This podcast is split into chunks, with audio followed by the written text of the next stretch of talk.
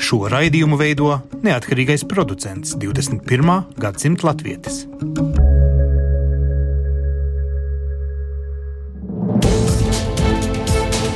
Septiņas dienas Eiropā piedāvā Eiropas radiotīkls Eironet.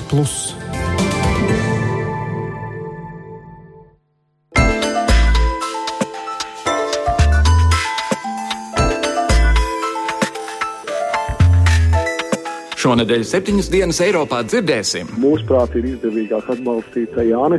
Трамп приехал и тут же побежал встречаться с московскими проститутками. Herr Präsident, ich darf Sie bitten, Ihren Platz einzunehmen.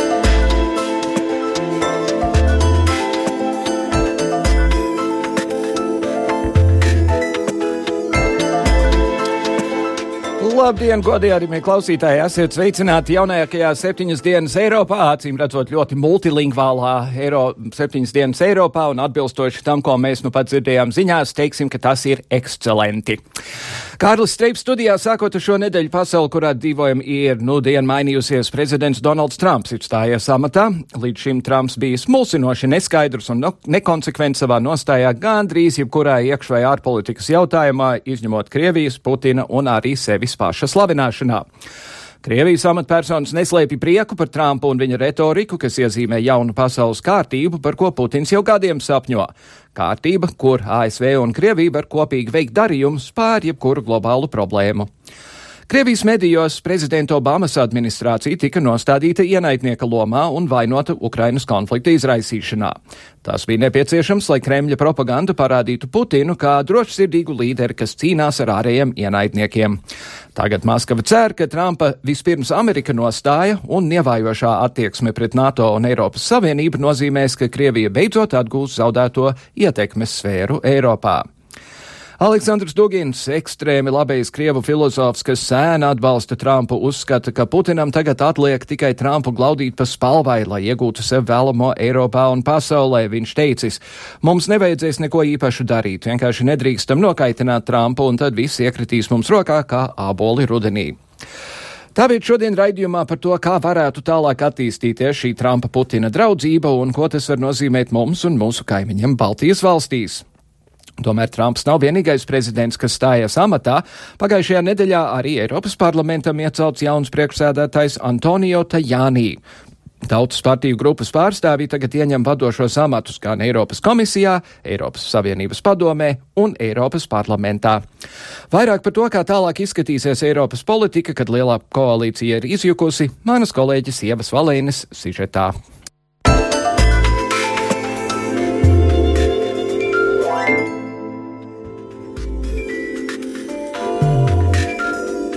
Pagājušajā nedēļā Strasbūrā darbu atsāka Eiropas parlaments. Šoreiz to atsāka ar vērienu, ar jaunu Eiropas parlamenta prezidenta vēlēšanām. Kopš 2012. gada šo amatu ieņems Mārtiņš Šulcs, sociāldemokrātu pārstāvis, bet otrdien prezidenta vietu pēc gandrīz 12 stundu ilgām vēlēšanām svinīgi pārņēma Antonio Tajāni. Šīm vēlēšanām bija jābūt ātrām un vienkāršām. Tā tas bija paredzēts pēc nosacīti slepenas vienošanās starp sociāldemokrātu un Eiropas Tautas partiju grupām, kas paredzēja, ka pirmo pusi parlamenta sasaukuma priekšsēdētāja krēslu ieņem sociāldemokrāti, bet otro pusi Eiropas Tautas partija. Taču īsi pirms vēlēšanām sociāldemokrāti paziņoja, ka vienošanās vairs nav spēkā un ka to viņu partneri lauzuši 2014. gadā, kad Eiropas komisijas priekšsēdētāja vietu ieņēma Žans Klots Junkers, Tautas partijas pārstāvis. Sociāldemokrāti nevēlējās vēlējās redzēt, ka visi nozīmīgākie Eiropas Savienības institūciju posteņi nokļūst vienas partijas rokās. Šis pavērsiens, protams, vēlēšanas padarīja daudz interesantākas. Par jaunu vienošanos starp partiju grupām paziņoja vien vēlēšanu rītā. Šoreiz Eiropas Tautas partija vienošanos panāca ar Liberāļu un Demokrātu apvienību par labu pirmo kandidātam Antonio Tajāni. Tomēr šī vienošanās nenozīmē balsu vairākumu, un šīs kļuva par otrajām Eiropas parlamenta prezidenta vēlēšanām 65 gadu laikā, kad bija nepieciešama ceturtā vēlēšanu kārta, un intriga par vēlēšanu iznākumu saglabājās līdz pat pēdējiem zvanam, kas pasludināja vēlēšanu rezultātus. Salīdzinājumam iepriekšējo parlamentu priekšsēdētāju sociāldemokrātu Martinu Šulcu abas reizes ievēlēja jau pirmajā kārtā ar absolūto balsu vairākumu. Sarunas starp Eiropas Tautas partiju un citiem politiskajiem spēkiem bija ilgas, un katram no tiem, protams, bija savas ambīcijas. Turpina Eiropas konservatīvo un reformistu grupas priekšsēdētāja vietnieks Roberts Zīle. Šajā gadījumā Eiropas konservatīva reformistu grupa pēc tikšanās zināmā mērā arī ar, ar jauno vadītāju tomēr izvēlējās ka mūsuprāt ir izdevīgāk atbalstīt Jāni, vismaz vairākums no grupas tā nolēma ar to mērķi, ka mēs iznīcinam, nu, nevis iznīcinam, bet, teiksim, samazinām iespēju tā saucamai lielai koalīcijai nākotnē darboties, kas, protams, veda Eiropas Savienību federalizācijas virzienā, un šī lielā koalīcija ir uh, sociāldemokrāta ar Eiropas tautas partija, kas, protams, pašlaik ir, nu, var teikt, nevis nokautēta, bet, uh, nu, zināmā, nokdaunā šī koalīcija atrodas. Kā vienu no iemesliem ilgajām sarunām dažādo politisko grupu starpā, daudz min ne tikai izjukušo vienošanos starp sociāldemokrātiem un tautas partiju, bet arī pašu tautas partijas izvirzīto kandidātu. Antonio Tajāni ir bijusi plaša pieredze politikā. Garajā amatu sarakstā viņš bijis arī bēdīgi slavenā bijušā itāļu premjera Silvio Berlusconi runas vīrs. Berlusconi ir ļoti bagāts vīrs gan materiālā ziņā, gan arī pieredzē tiesas prāvās. Viņš ir apsūdzēts gan par krāpšanos ar nodokļiem, gan nelikumīgu partiju finansēšanu, gan korupciju, gan arī par seksuālām attiecībām ar nepilngadīgu meiteni, kā arī savas varas izmantošanu, lai šīs attiecības slēptu. Īsi sakot, tas nav gluži uzticību raisošākais vīrs Itālijā, un balsot par viņam pietuvinātu personu daudziem var būt mazliet grūti. Tomēr uzrunātie Eiropas Tautas partijas deputātu par Tajāni saka tikai labu. Sauc viņu par cilvēku, kurš spēja veidot attiecības ar politiskajiem partneriem un uzskata viņu par uzticamu personu.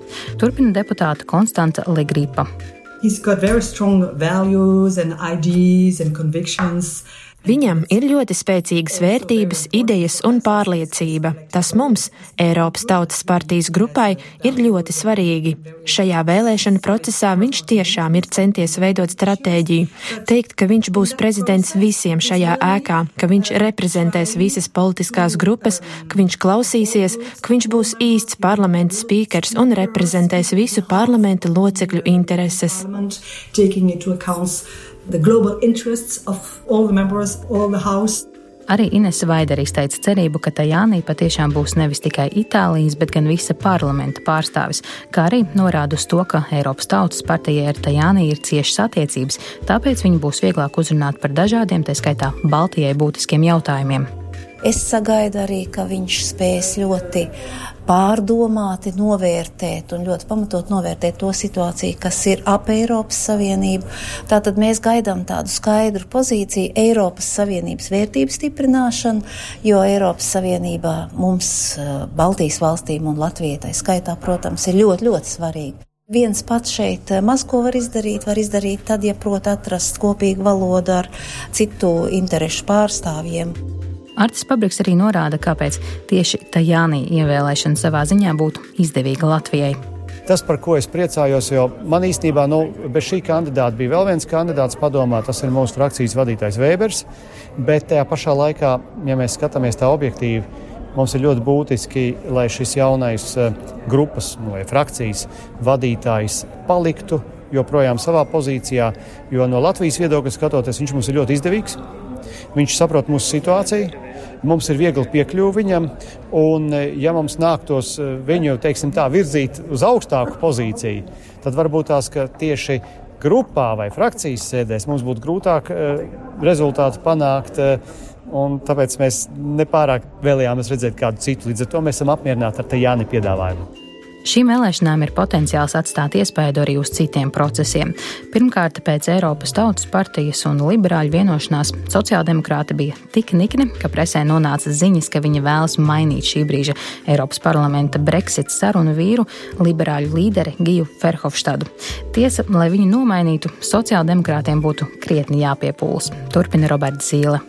Es neredzu, godīgi sakot, spēkus, kas varētu piespiest Ferhofštāts pēc tam, ka viņš ir noslēdzis līgumus ar Eiropas Tautas partiju, viņu noņemt no šīm Brexit sarunām. Tā ir viņa viena no spēcīgām pozīcijām. Es domāju, ka Ferhofštāts šahojot ir, nu, viņš ļoti labs šahists politiskais aizkulisēs. ņemot vērā viņa desmit gadu premjerēšanu Beļģijas premjera amatā, kas nav viegls, teiksim, darbs, tad viņš bija izrēķinājis, ka pēc kļūdas attiecībā uz uh, piedzi zvaigžņu partiju Grilo partiju Itālijā, ko viņš te pieļāva kļūdu nedēļu atpakaļ, viņš ir labojis viņu, viņu prātu un nodrošinājis palikšanu šī Brexit saruna vadītāja no Eiropas parlamenta puses. Viņš to ir nodrošinājis, es domāju. Arī citi aptaujātie deputāti izteica šaubas, ka sociāldemokrāti varētu panākt Ferhofstāda nomaiņu Brexit sarunās. Taču būtiskākais jautājums ir par Eiropadomas priekšsēdētāju poļa Donalda Tuska vietu.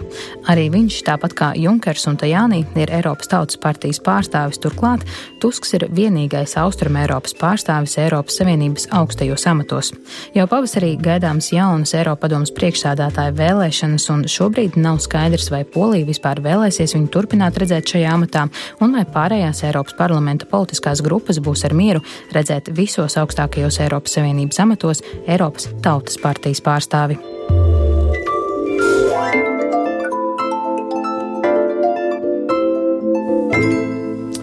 Paldies, kolēģei Ievai. Man jāsaka, tad, ka es klausījos visu to garo sarakstu par to, kādi ir grēki uh, Berluskonī bijuši. Es, es pie sevis domāju, atbilst Trumpam, atbilst Trumpam, atbilst Trumpam, atbilst Trumpam.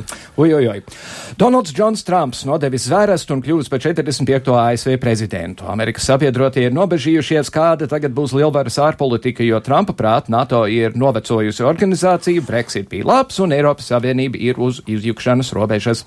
Šķiet, bijušie sabiedrotie tiks tiks pamesti, jo Putins esot dišs un izcils vadonis, kas var būt labs draugs ASV.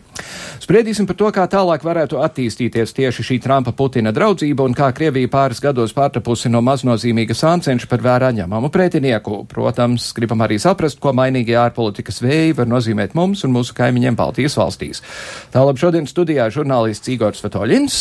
Labdien! Un Austrum Eiropas politikas pētījuma centra direktors Andis Kudors. Labdien! Labdien! Sāksim, Andi, ar jums, nu, vienmēr gribās to glāzi redzēt puspilnu, bet kaut kā pat labam liekas izmisīgi. Vai jūs varat kaut ko pateikt, lai nomierinātu mūsu un klausītājus? Jā, cerība nezūd.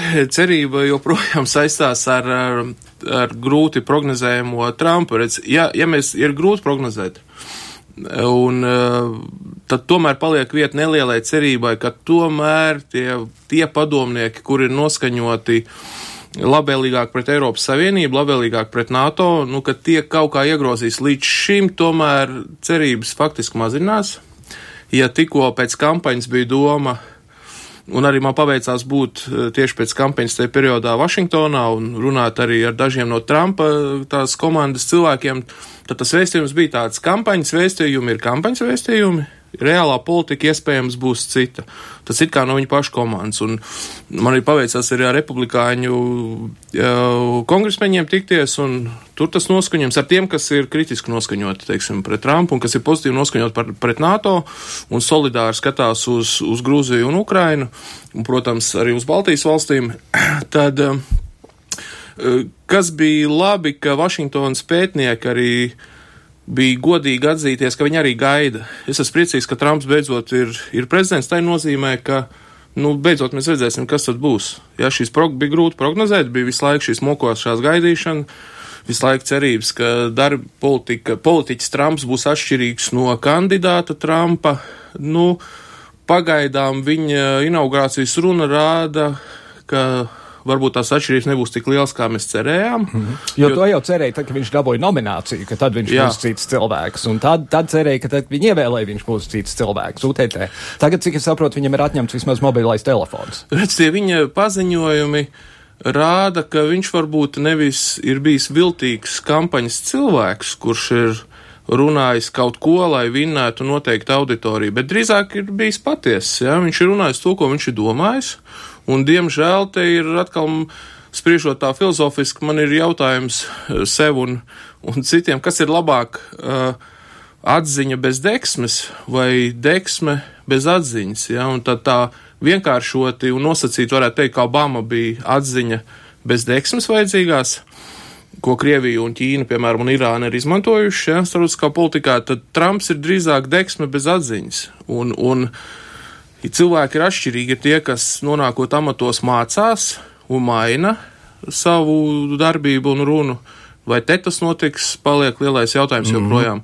Nu, daļa vēstījumu, protams, ir satraucoši, daļa daļa ir tādi, varbūt, kas nav tik satraucoši. Nu, redzēsim. Redzēsim, jā. Nevelti viņi ir runājuši par to, ka uz Trumpa vajag klausīties viņa vārdus, bet nevajag tos uztvērt burtiski. tas, tas ir vienreizēji. Igor? Nu, man šķiet, ka uh, vienīga laba ziņa uh, pagaidām ir tā, ka gan pats Trumps, gan viņa komanda tie ir pārsvarā cilvēki no biznesa pasaules. Tā kā no, viņ, no viņiem var sagaidīt diezgan lielu tādu pragmatismu un nu, tādu mm, iespēju kaut kā mainīties, pielāgoties uh, uh, nu, konkrētiem apstākļiem. Jo visas pārējās ziņas, diemžēl, ir nu, tā, tā kā tā glāze ir nu, gana tukša. Man šķiet, ka uh, nu, ir jāsaprot, ka nu, Amerika ir zaudējusi šajās vēlēšanās kaut tāpēc, ka Tagad tā nevarēs strādāt uz ārieni, tā nevarēs veikt reformas, kaut kādas arī iekšējās. Tā nodarbosies ar tā Trumpa faktora kaut kādu sagrēmošanu. Un tas prasīs gana daudz spēku, uh, pūliņu, gan Amerikas, gan visas pārējās pasaules uzmanības, un visas pārējās varbūt strateģiski daudz svarīgākas lietas, nu vienkārši pagaidām, nu gaidīs savu laiku. Nu, ko ar... jūs par reformām? Viņš jau ir paziņojis, ka viņš likvidēs nu, jā, Amerikas jā, kultūras nu, fondu un sabiedrisko nu, nu, rādio. Nu, tur ir tā lieta, ka tā mm, es te mm, piekrīstu Andim, ka tā uh, priekšvēlēšanu retorika izrādījās gan autentiska, jo šķiet, vismaz pagaidām, ka viņš tik tiešām mēģinās to darīt. Varbūt to uh, Meksikas mūri nu, būvēs kaut kādā mazākā apjomā un par amerikāņu nodokļu maksātāju naudu, bet viņš nu, mēģinās to kaut kā izdarīt. Un, uh, nu, varbūt laba ziņa ir arī tāda, ka nu, pagaidām viņam ir tik daudz to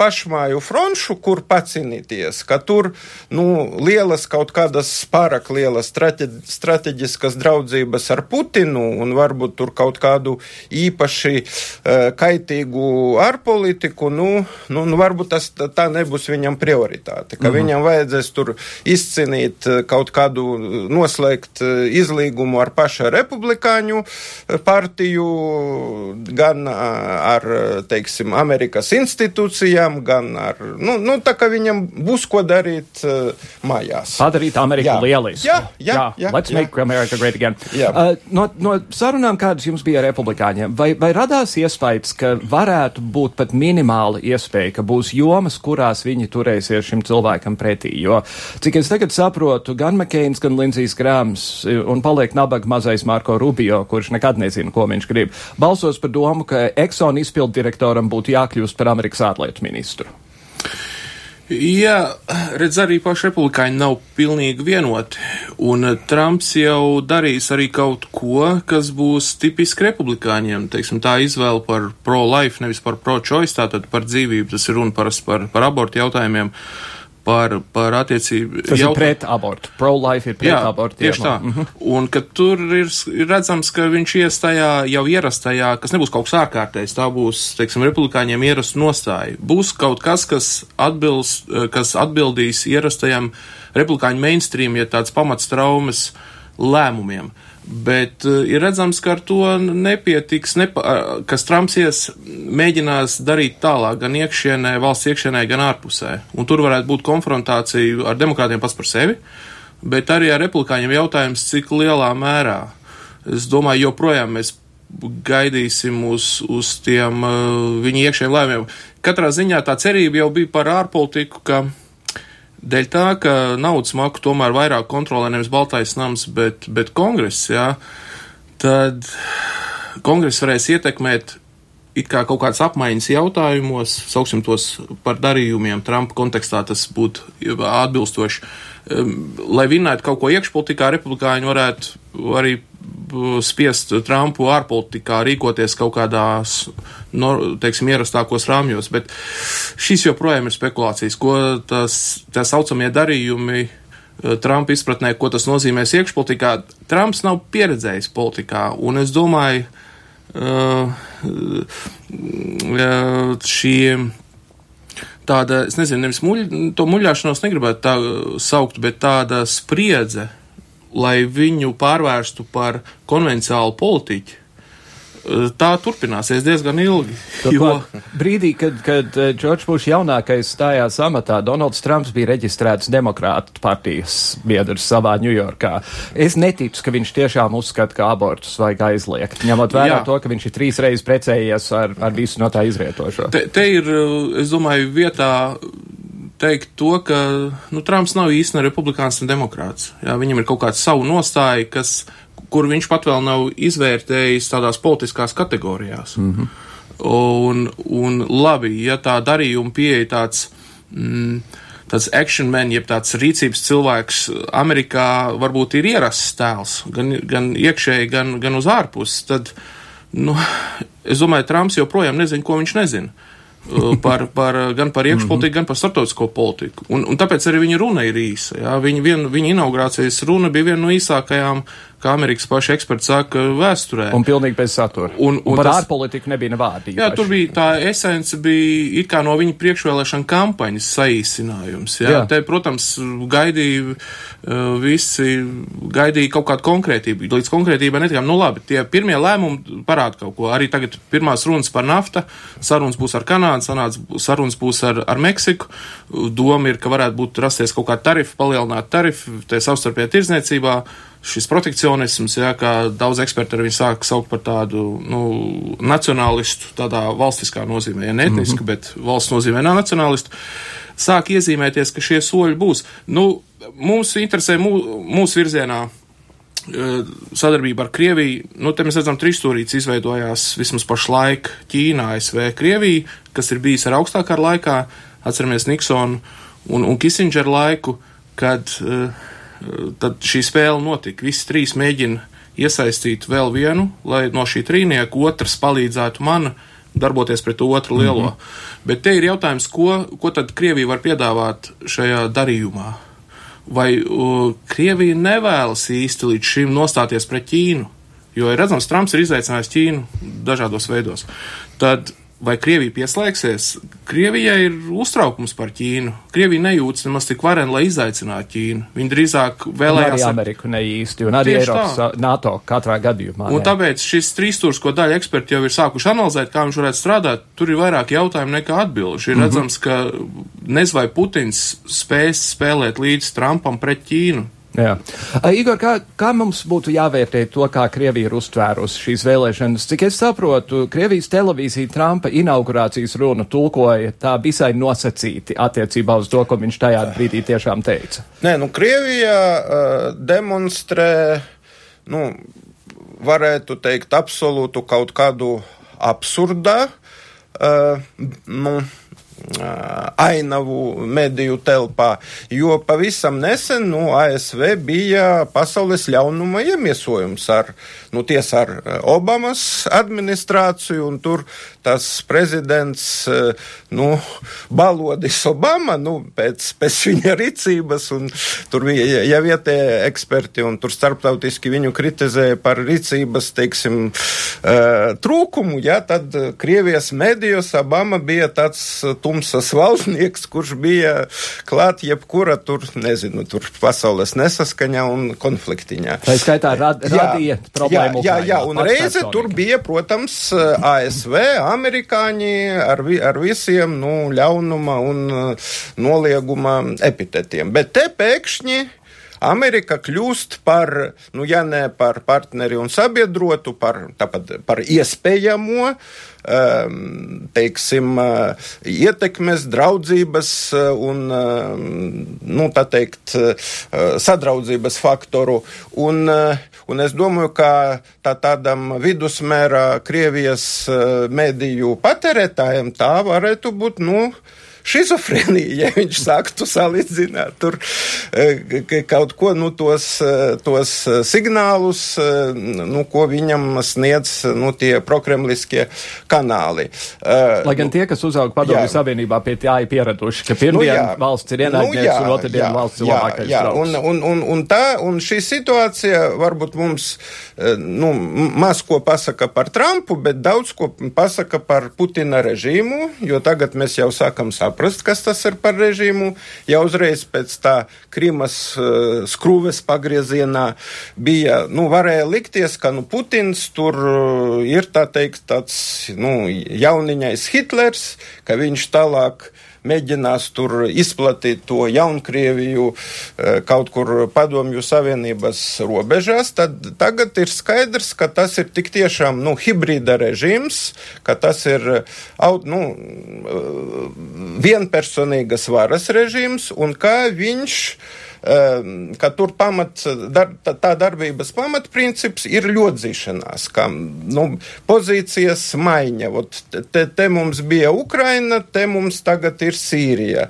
Te mēs karojam gandrīz vai ar Ameriku ideiski. Ja, te, te, te, te mēs gribam draudzēties. Un, mm -hmm. un skaidrs, ka šāda nu, nenoteiktība un, un tāda proteiskā pozīcija un uh, televīzijas attēla mainīšanas eh, stratēģija un taktika, ka tā nu, ir vienkārši šī režīma uh, pazīme. Un, uh, nu, mm, nu, kā tika attēlota tā nu, Trumpa kunga tā epopeja, un kura vainagojas ar inaugurāciju. Nu, tā kā Tā kā nu, viņš ir potenciāli musējais, mm. ka viņš ir bijis Krievijā, ka viņš tur piedalījies skaistumā, tur karalienes, tur kaut kāda konkursa un Krievijas medijos ļoti, ļoti sīki tika intervētot visi, kas tur bija klāt, visas tas mis un, un tie, tie, tie tur kaut kādi, nu nezinu, muzikanti, kuri arī bija žūrijā un tā tālāk. Tā kā Trumpa kungs pat laban ir Krievijas uh, masu mediju, tā teikt, nu, VIP persona. Jā. Viņš ir ļoti ietekmīgs. Te gan paskaidrosim mūsu klausītājiem, kuri tagad varbūt drusku brīnās. Trumpa kungs pats nepiedalījās Miss Visums konkursā. Viņš bija producents tam procesam. Nu, mēs, ne, mēs nebijām spiest viņu skatīties vakarkleitā un telkostīmā. Paldies Dievam. Jā, bet viņš bija aizbraucis uz Krieviju, viņš tur pavadījis kādu laiku. Tur viņam vai nu bija vai nebija tā, tā, tā stāsts ar prostitūtām viesnīcā. Un bija vai nebija ciešas attiecības ar Putinu, par to arī viņš ir nu, runājis dažādas lietas.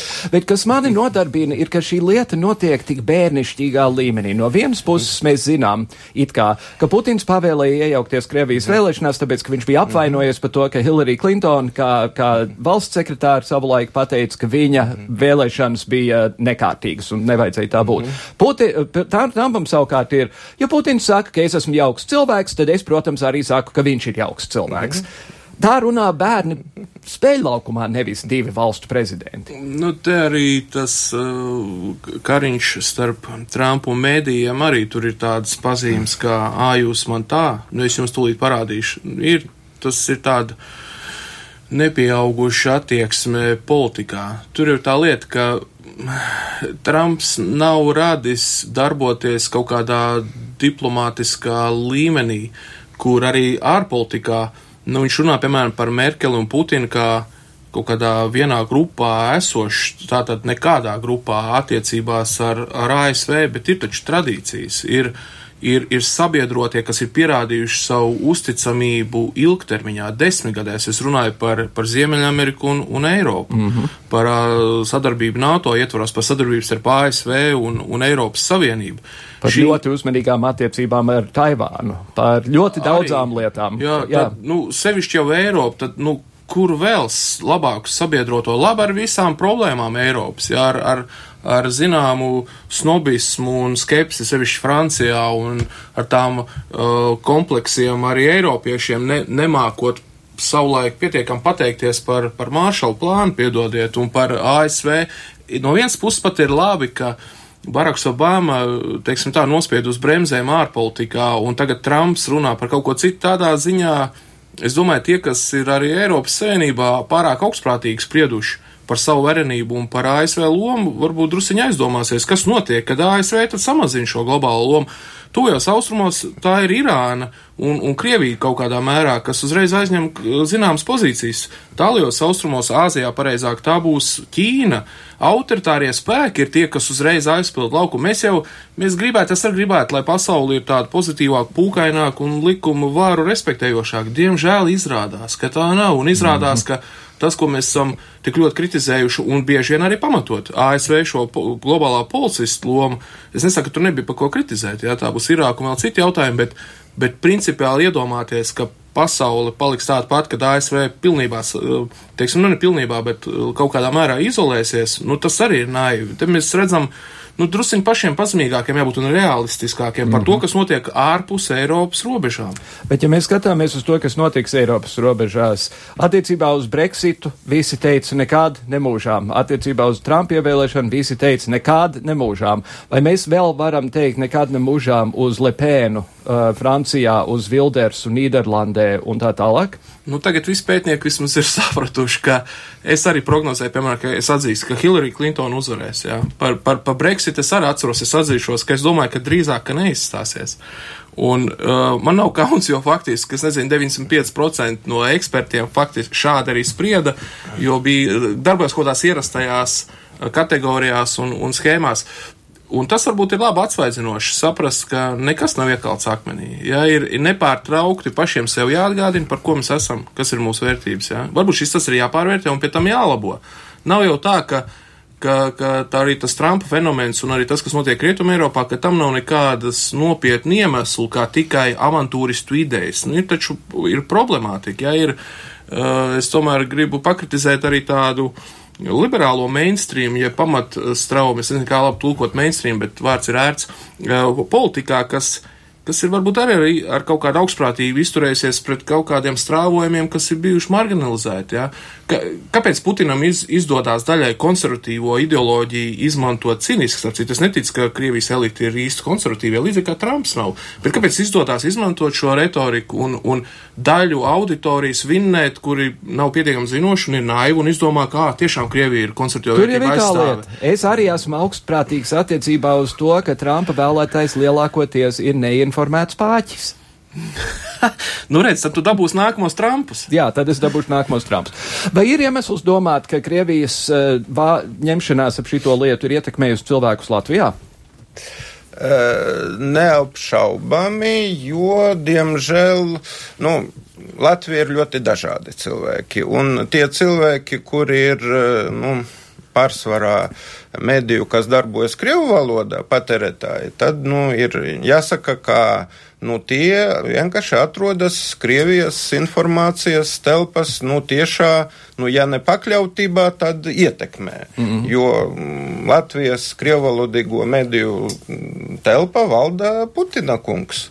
Un, um, un tur ir di, di, divi formāti. Viens ir, tā teikt, tāds putinisms streit tiešais, ja, nu, kā, kā ir tas, uh, uh, visi Kremļa kanāli ir pieejami Latvijā, ir eh, speciāli krievu un latviešu val, valoda tas Sputnik LV, kurš nu, joprojām pastāv. Un, un, eh, un eh, ir tā teikt, tā teikt tāds putinisms lait, vieglais putinisms, tā ir izprotoša pozīcija, ka sava taisnība ir, teiksim, nu, Merķelēji ir mūsu Latvijas saimai, bet savā taisnība ir arī Putina kungam. Nu, un tā teikt, kvalitatīva žurnālistika ir atspoguļot visus viedokļus, nu, tā kā mēs um, teiksim, atspoguļojam arī šādi. Un man bija tāds pārsteigums, kad es tajā um, Latvijas televīzija septiņi, ja tas tur bija ziņu bloks, teiksim, starptautiskas ziņas, ziņas no um, Sīrijas, un tur kaut kas ir noticis, kaut kādas apšaudes, un tikai divi komentāri. Tas ir Krievijas ārlietu ministrs Lavrova kungs un Bašara Asada arī ārlietu ministrs. Un, Tas bija pārsteidzoši.